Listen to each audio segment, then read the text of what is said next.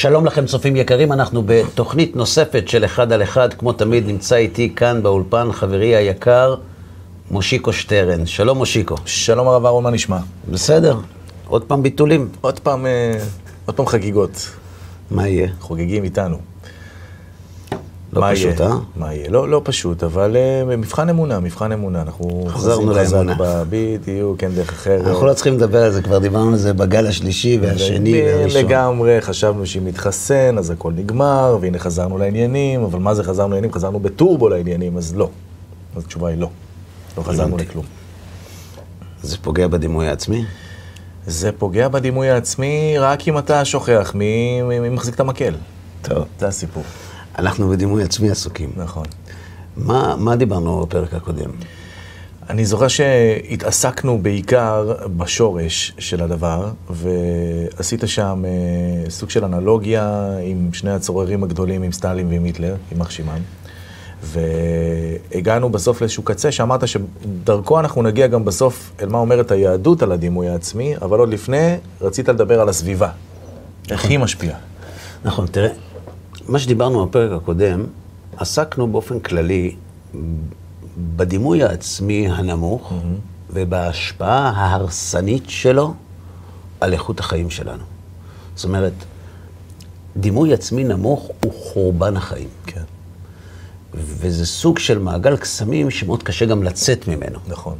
כי, כי כל כישלון מנציח ועוד יותר, ובאמת, כמו שאתה אומר, אמרנו, אנחנו, אנחנו ננסה, אנחנו לא באים לבכות, אנחנו באים לראות מה, איך היהדות, התורה שלנו, מספקת לנו כלים להתמודד. בכלל, קודם כל, האם היא מכירה במושג הזה דימוי עצמי נמוך, ואיך היא מספקת לנו, אם היא מספקת לנו, כלים. כשנקודת המוצא שלי היא שהתורה היא תורת חיים. נכון. ואם התורה היא תורת חיים, היא לא מסתכמת בבית המדרש. היא, היא מכסה את כל תחומי החיים. נכון. ולכן, לפני שאנחנו הולכים ללמוד מאנשים חכמים על איך בונים דימוי עצמי בריא, אולי כדאי לבדוק בבית המדרש. אז כך סיימנו אה, את הפרק הקודם. בפרק הזה, אני רוצה לדון איתך, כמו שאמרת, אני רוצה לדון איתך על הסביבה. ו- ואני אסביר גם למה. דימוי עצמי נמוך. הוא נולד בחלל פנוי, או, או שהוא מתייחס למשהו. ודאי שהוא מתייחס למשהו. למה? אה, אם, אם אתה בדימוי עצמי נמוך, זאת אומרת, אתה מדמיין את עצמך למשהו אחר, אתה עושה השוואות. יפה. זאת אומרת, כדי שהאדם יחליט, אני למטה או אני למעלה, צריך שיהיה לו מדד. השאלה היא, איך נקבע המדד אצל כל אחד מאיתנו, מהו אדם מוצלח? שכשאני לא כזה, אני נמוך.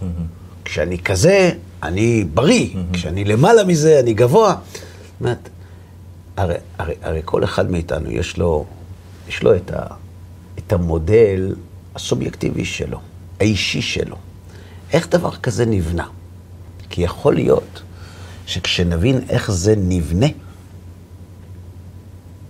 יהיה לנו התחלה של פתרון איך לעזור לעצמנו. אוקיי. אז מה אתה אומר? איך, איך נבנה... אני אומר שמתחת אותי, פתיח, אה, קדימה. מה קדימה? אני שואל אותך ש-. אני שואל אותך שאלה, אתה צריך לענות לי. מה? איך, איך נבנה דימוי עצמי נמוך? דימוי עצמי נמוך הוא תוצאה של, כמו שאמרנו קודם, אתה מסתכל על משהו שנראה לך גבוה ממך, אם זה בשאיפות שלך, אם זה בהשכלה, קריירה, כסף, משפחה, הדשא של השכן, בקיצור. ואם הוא ירוק יותר בעיניך, אתה בבעיה.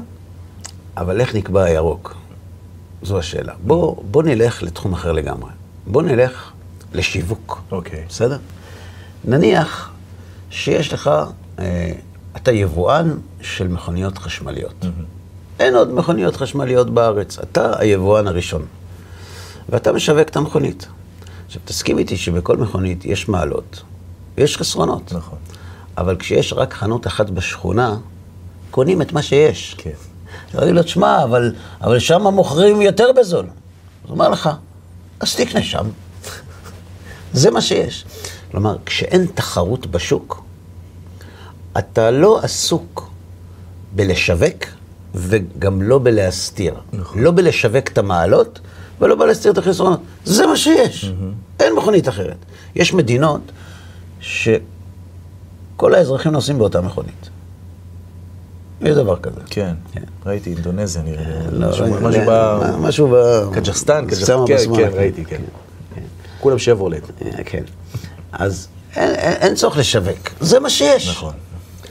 מתי מתחילה התחרות? התחרות מתחילה כשמגיעים לשוק כלים חדשים. ואז אנחנו מתחילים לעשות חשבון. מה המעלות של זה מול החסרונות של זה. זאת אומרת, מתי אני מתחיל לבדוק ביחס לאחרים כשיש לי מתחרים. מתחרים, אוקיי. שיש את האפשרויות. עכשיו, מה קורה ליבואן של מכוניות חשמליות, שפתאום מגלה שיש עוד יבואנים?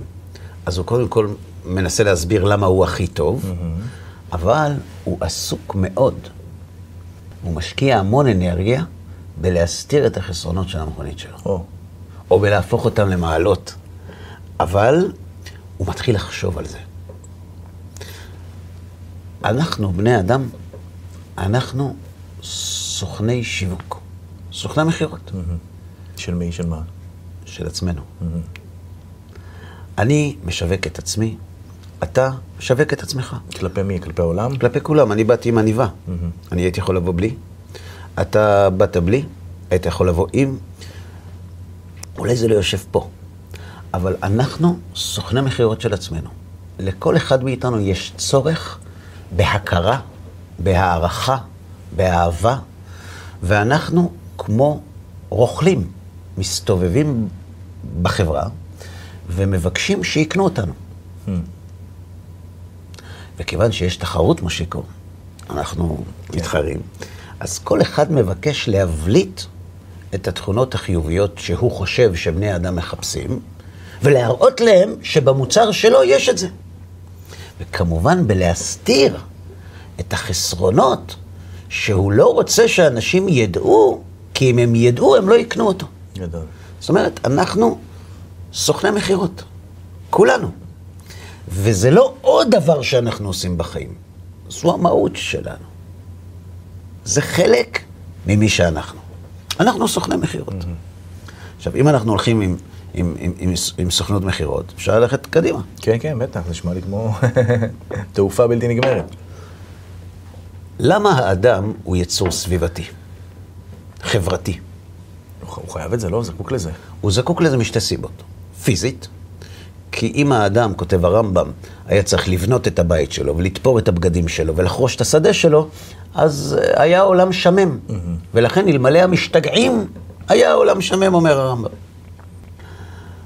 מצד שני, ולא פחות חשוב, אנחנו יצורים חברתיים, כי כמו שהגוף זקוק לחמצן כדי להתקיים,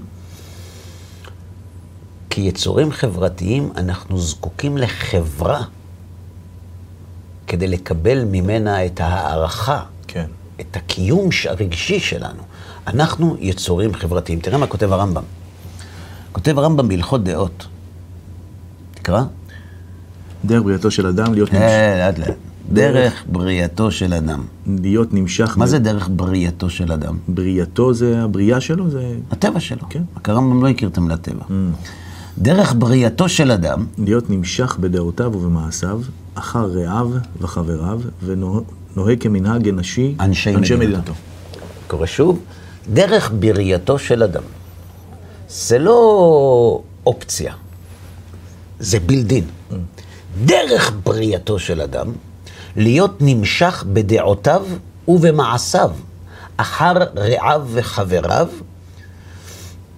ונוהג כמנהג אנשי מדינתו. מה שנקרא, אמור לי מי חבריך, אומר לך מי אתה. זה נכון, וזה בעצם אומר שכדי לא להימשך אחר דעות הסובבים אותך או אחר מנהג בני מדינתך, אתה צריך לעשות משהו שיוציא אותך מהליין הטבעי, כי זה דרך בראייתו. כאן נמצא השורש של הדימוי העצמי הנמוך. וואו. כי אם אני יצור חברתי, ביחס למי אני מודד מי אני, או איך אני, או כמה אני, ביחס לחבריו, רעיו ואנשי מדינתו. אתן לך דוגמה. בארצות הברית, מה כל ילד רוצה להיות?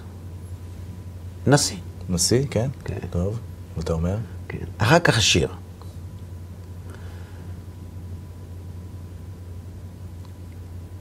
כמה ילדים אמריקאים רוצים להיות רמטכ"ל? אצלם זה לא עובר בדרך? אין, אין אידיאל גדול. אוקיי. פה בארץ רמטכ"ל זה קרש קפיצה משמעותי. כן. הוא רמטכ"ל, הוא איש ביטחון. נכון. זאת אומרת, אתה רואה שבחברה הישראלית מעריצים, מרוממים אנשי ביטחון, ובארצות הברית, פחות. לא, מעריצים, ומעצימים, וסוגדים לשחקנים, שאחרי זה נהיים אה, ו-. כן. למה זה ככה? כי החברה בישראל זקוקה לאנשי ביטחון כדי לשרוד. וואו, יפה. ולכן אנחנו רוצים שהטובים ביותר יגיעו למעלה כדי שיגנו עלינו. אז אנחנו מעצימים אותם כי אנחנו זקוקים להם. כלומר, הדימוי העצמי שלנו היא מדינה שתמיד היא חסרת ביטחון, היא צריכה ביטחון, היא צריכה הגנה. לכן אנחנו מעריצים אנשי ביטחון. ביטחון. הוא ישמור עליי. יפה. עכשיו, אוקיי. כשילד גדל, מי הגיבור שלו? משה דיין. מוטה גור, רפול, שרון, רבין. למה? כי בחברה שבה הילדים האלה גדלים, האנשים האלה הם הדמויות המוערצות. כן. לכן, אם אני הצלחתי לעלות בסולם הדרגות ולהגיע לאן שאני רוצה בדרך לאותם גיבורי ילדות, או נערות או בגרות, הדימוי העצמי שלי מתחזק. כלומר, אני חייב, כדי לבנות דימוי עצמי, אני חייב שיהיה לי מודל, שיהיה לי משהו למדוד מולו. והמשהו למדוד מולו זו הסביבה. וכל סביבה וסביבה, אומר הרמב"ם, חבריו, רעיו ואנשי מדינתו, כי בארצות הברית אין בעיות של ביטחון. אז מי הוא הגיבור שם? הזמר, השחקן, העשיר, הוא הגיבור. כן. הוא, הוא הדמות המוערצת, ולכן time is money. כלומר, הכסף תופס מקום חשוב, ואם יש לך כסף אתה מוצלח. בארץ, אם אתה עשיר, יכבדו אותך, אבל אם אתה רמטכ"ל, יעריצו אותך. לא מדבר על היום. אני מדבר על כשהיו מלחמות. כן. כן. היום זה כבר יותר קרוב למה שאתה מדבר מארצות הברית. כן? דומה. לא רוצה לפתוח פה עד למלחמה הבאה. ברגע שהמדינה ניצבת בפני איום קיומי, מי שמושיע אותה, ברמה החומרית כמובן, אנחנו כן. אנשים מאמינים, הוא יהיה גיבור. הוא גיבור. כן. אז נכון שברוך השם, לא היו לנו מלחמות קיומיות בעשורים האחרונים, אבל כל מי שחי כאן, מקום המדינה ועד אחרי מלחמת יום הכיפורים, הדמויות הכי מוערצות, במובנים מסוימים אפילו יותר מבן גוריון, היו אנשי ביטחון, גנרלים. לכן, כשאנחנו מתחקים אחר שורשי הדימוי העצמי, אנחנו צריכים להבין מי הם הגיבורים. כי אם נדע מי הם הגיבורים, נדע לזהות קודם כל מה נקרא אצלך מוצלח, שאם לא הגעת אליו, תסבול מדימוי עצמי נמוך. אגב, את אותו דבר עברנו גם דורות אחורה, זאת אומרת, ההיסטוריה של העם היהודי מלמדת את אותו הדבר, המצביעים, השופטים, ה... אה, למה, למה אתה הולך אחורה? לך להיום. קח את החברה הדתית. החרדית, לא משנה. חברה של שומרי מצוות. מי הוא הגיבור בחברה הזאת? אני חושב שהרבנים, לא? גדולי ישראל. כן. זאת אומרת, כל ילד גדל על כך להיות הרב עובדיה, להיות החזון איש. עכשיו תראה בפורים, למה מתחפשים ילדים? נכון. אז יש כאלה שמתחפשים לכל מיני דמויות מהטלוויזיה, ויש שמתחפשים לרב עובדיה. יש כאלה גדולים ש, שגם רוצים להתחפש אליהם, אבל אין איזה משהו כזה... אבל אתה יכול לראות, הוא התחפש לרב עובדיה, הוא התחפש לאהרון הכהן. זאת אומרת, אתה, אתה מזהה מה הם הדמויות. עכשיו, זה אותו דבר פועל גם בחברה שאני בא ממנה. ילד שגדל על להיות גדול הדור, הסיכויים שלו להישבר הם מאוד גדולים.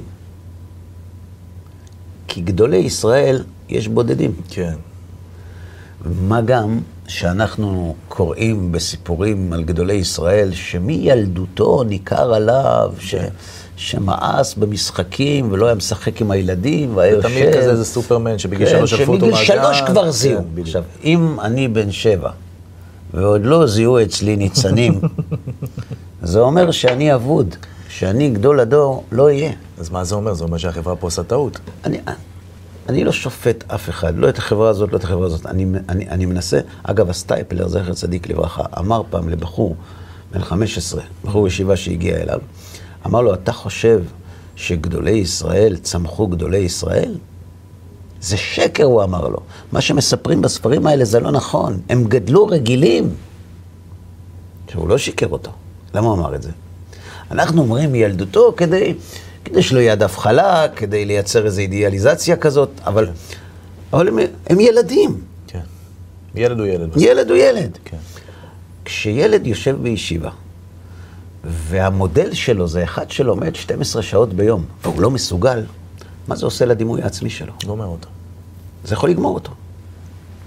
זאת אומרת, אין הבדל בין בניין הדימוי העצמי בין חברה לחברה. המכניקה היא אותה מכניקה.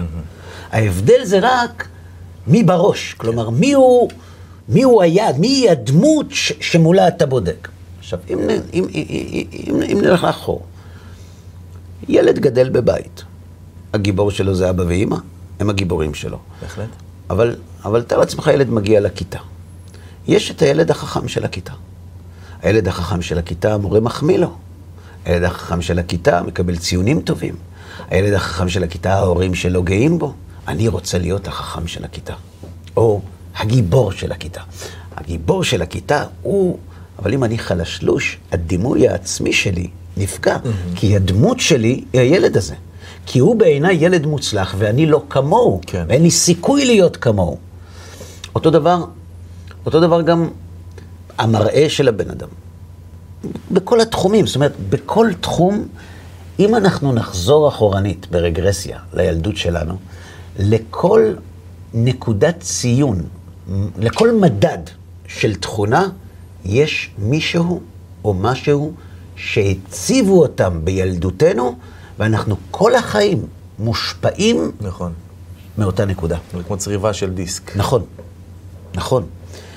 ולפעמים חיים שלמים, אנחנו מקבלים החלטות על פי הילד. על פי הילד ההוא, כן. שלא הגשים את החלום שלו, שלא הצליח להגיע. הוא עסוק, יש אנשים שעסוקים כל החיים בלהוכיח שהם כן מסוגלים למה שהמורה אמר לו בכיתה א'. כלומר, דימוי עצמי נמוך יכול להתקיים רק כשיש לך את הלעומת. נכון. את המודל של השלמות. ומודל של שלמות יכול להתקיים רק בסביבה. זאת אומרת, אם אדם נמצא על אי בודד, נולד שם ומת שם, הוא לא יודע מה זה דימוי עצמי. אז אם כך, מצבנו הלך והחמיר. למה? כי הסביבה היום היא טורבו סביבה. נכון. היא כבר טלפון. נכון, לכן המצב חריף יותר. היא כבר... פעם היינו קוראים על גיבורים בספרים. נכון, נכון. היום, אמור לי כמה לייקים יש לפוסט שלך, ואני אגיד לך מה אתה שווה. נכון. ויש אנשים שהמצב הנפשי שלהם משועבד. בהחלט. אני לא מדבר בחריפות, אני מדבר במדויק או אפילו בהנחה.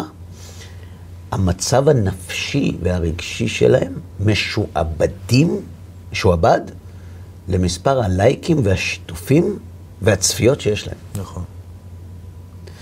כי היום מצליח זה לא רמטכ"ל או ראש ממשלה, זה אלה שלא הצליחו. היום להיות מוצלח זה כמה עוקבים יש לך. הטכניקה לא השתנתה, המוצלחות השתנתה. ולכן יש היום הרבה יותר בעלי דימוי עצמי נמוך מבעבר, כי הנגישות הסביבתית היא הרבה יותר נגישה והרבה יותר רחבה גם. נכון. היא בינלאומית, נכון. כלל עולמית. אתה יודע מה הצד השווה בכל מה שאמרנו? מה? שאני, איך אמר הלל? כשאני לעצמי, מה אני? זאת אומרת, אם שמת לב, אנחנו מעצבים תפיסה שאנחנו כשלעצמנו כלום. אין לנו כלום. אין לנו.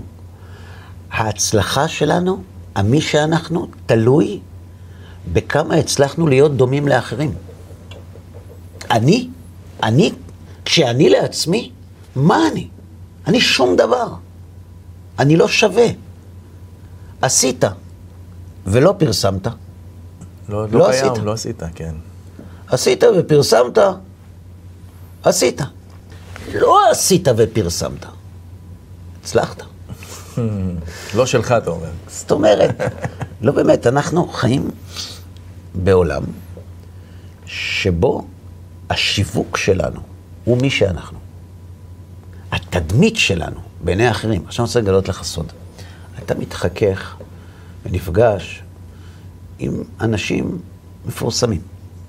כל אחד בתחומו, אם זה במוזיקה. אם זה- וכשאתה רואה את האנשים האלה על הבמה, או בריאיון באולפן, אתה רואה פצצה של ביטחון, פצצה של דימוי עצמי.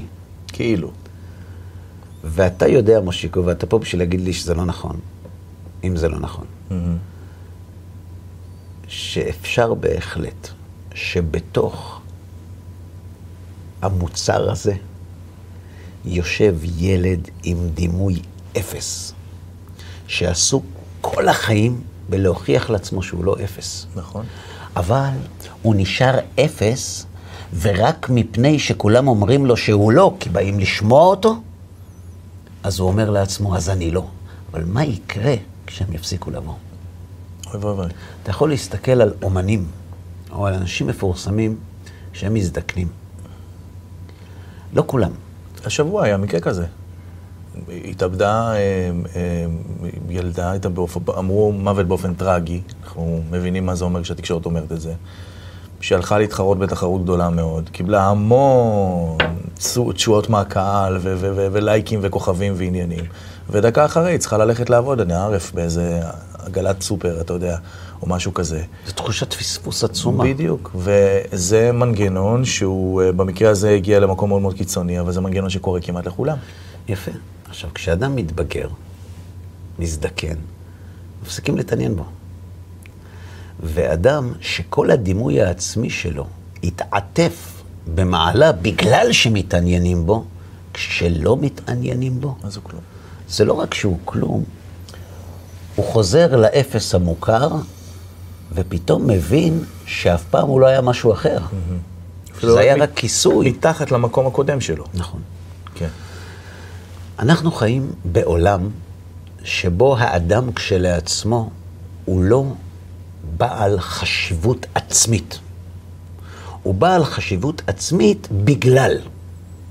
בגלל שהחברה העניקה לו את החשיבות הזאת, או כי הוא גנרל, או כי הוא שחקן, או כי הוא זמר, או כי הוא עשיר, או כי הוא חכם, או כי הוא כל דבר אחר. עכשיו, אני חייב לשאול אותך שאלה, דווקא עכשיו, בשלב הזה, אני יודע שאתה שומר את זה לחלקים הבאים. כן. אבל דווקא עכשיו, בשלב הזה. הנה אנחנו יושבים פה, שנינו אנשים, כל אחד מוכר בתחומו. כן. בסדר? אנחנו לא עושים שקר לעצמנו. אנחנו קמים בבוקר והולכים לישון בלילה, כן. ואני חושב שגם אני וגם אתה, בסוג של מבחן של תוצאות גם למה שאנחנו עושים. אני מסכים, אנחנו- אני, אני לא מדבר עליהם, אני, אני מדבר עליי. או.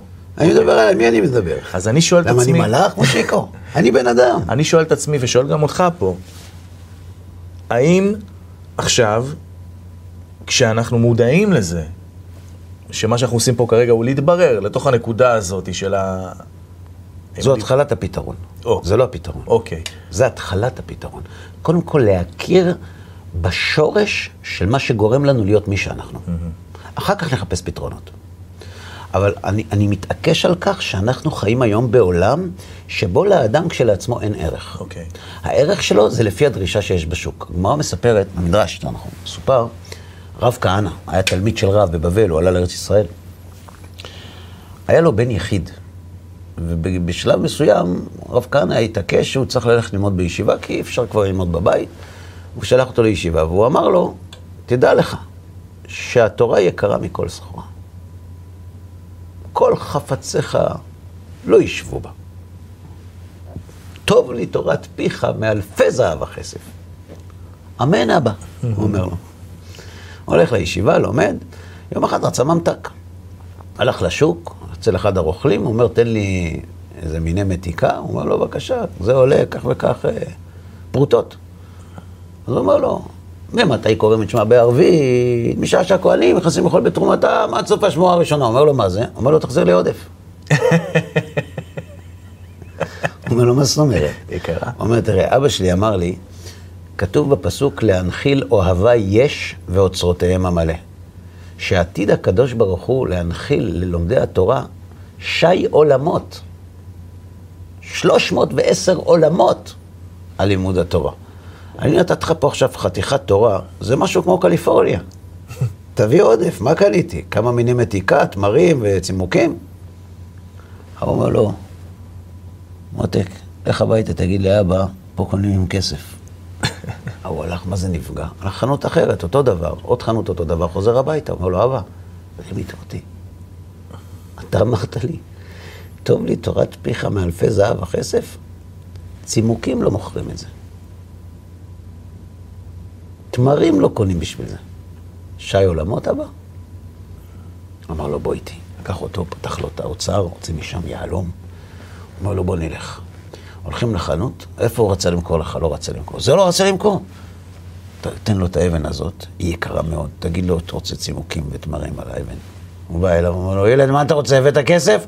הוא אומר לו, אני רוצה בזה, תביא לי תמרים. הוא אומר לו, תלך מפה, אמרתי לך, תביא כסף. הולך לחנות השנייה, האחרונה השלישית, אותו דבר, ואז אבא אומר לו, בוא. הולכים לסוחר האבנים טובות. הוא אומר לו, רוצה למכור את האבן הזאת. אז הוא מוציא ארגז מלא מטבעות זהב, נותן לו. אומר לו, בני, עכשיו קח את המטבע הזהב הזה, לך תקנה את החנות, את אבא של החנות ואת אימא של החנות, עם המטבע הזה. למה הוא לא רצה לקבל את זה ממך? כי הוא, אין לו מה לעשות עם זה. הוא לא מכיר בערך העצמי של היהלום. הוא מכיר בערך של היהלום לפי השאלה אם אפשר לשלם עם זה במוסך או לא. אז אם אי אפשר לשלם, זה לא שווה כלום. לכסף אין ערך עצמי, ליהלום יש. בעולם שלנו, אנחנו מתייחסים לבני אדם כשלשטר נקוב של כסף. אין לו ערך עצמי, יש לו ערך כל עוד החלטנו לתת לו ערך. וכאן בדיוק נמצאת הנקודה. האם יש לאדם ערך כשלעצמו, או שכל ערכו ומהותו תלויים בסביבה שהוא גר בה? אם אני חוזר לרמב"ם, דרך בריאתו של אדם להיות נמשך בדעותיו ובמעשיו אחר רעיו וחבריו ונוהג כמנהג את שם מדינתו, זה נכון. השאלה מי הוא הנוהג? הוא בעל חשיבות? הוא בעל משמעות עצמית, ערך עצמי, יש לו חשיבות עצמית, או שהוא כלום שיונק את כל מציאותו מן הסביבה. וכאן נמצא ההבדל בין אדם עם ערך עצמי בריא לאדם עם ערך עצמי נמוך. מי שהוא כשלעצמו כלום, וכל מי שהוא. הוא רק אם הוא עומד בסטנדרטים שהוא הציב לעצמו מילדותו ועד בגרותו לאורך השנים, כמו שדיברנו קודם, אדם כזה אין לו סיכוי. כי גם אם הוא יצליח ויטפס במדרגות, בתוך תוכו הוא נשאר אותו אפס. וברגע שיתמוטט משהו וייפול משהו, הוא ירד חזרה למטה, ועוד יותר נמוך. אתן לך דוגמה, אז סיפרתי לך על זה פעם. יש לי ידיד שפעם נסע להרצאה, ובא מישהו לקחת אותו, אומר לו, מדברים קצת וזה, אומר לו, הוא מרצה על זוגיות, על חינוך. אז הוא אומר לו, אה, אני לא צריך. הוא אומר לו, למה? הוא אומר, לא נשוי. לא נשוי. לא. ולא יהיו לי גם ילדים, הוא אומר לו. למה לא יהיו לך ילדים? הוא אומר לו, אני לא אגואיסט. הוא אומר לו, מה זה קשור? הוא אומר לו, פשוט. אנחנו מביאים ילדים לעולם, אנחנו לא- יכולים להבטיח להם ליהנות פה? רוב הסיכויים שלא נצליח לאפשר להם ליהנות. אז אנחנו מביאים ילדים לעולם, ולא יכולים לספק להם את הסחורה שלמענה הבאנו אותם לפה, ואחרי זה יבוא ויגיד לי, אבא, למה הבאת אותי לעולם? חתיכת אגואיסט, רצית שמישהו ידאג בך, היית לוקח עובד זר. טענה חזקה. מאוד. זאת אומרת, הדבר הכי טהור והכי יפה, להקים משפחה, אגואיזם. הוא לא יביא, הוא אומר לו, הוא לא יביא. זה אגואיזם טהור, להביא ילד לעולם, אתה יכול לספק לו הבטחות, הנאות? אתה לא יכול. אמר לו הרב, אתה צודק. אם המטרה של החיים זה ליהנות, אתה צודק. אם אין לתינוק שאתה מביא לעולם ערך, אם חייו אין בהם ערך כשלעצמם, אלא הם נמדדים לפי איכות החיים, אתה צודק.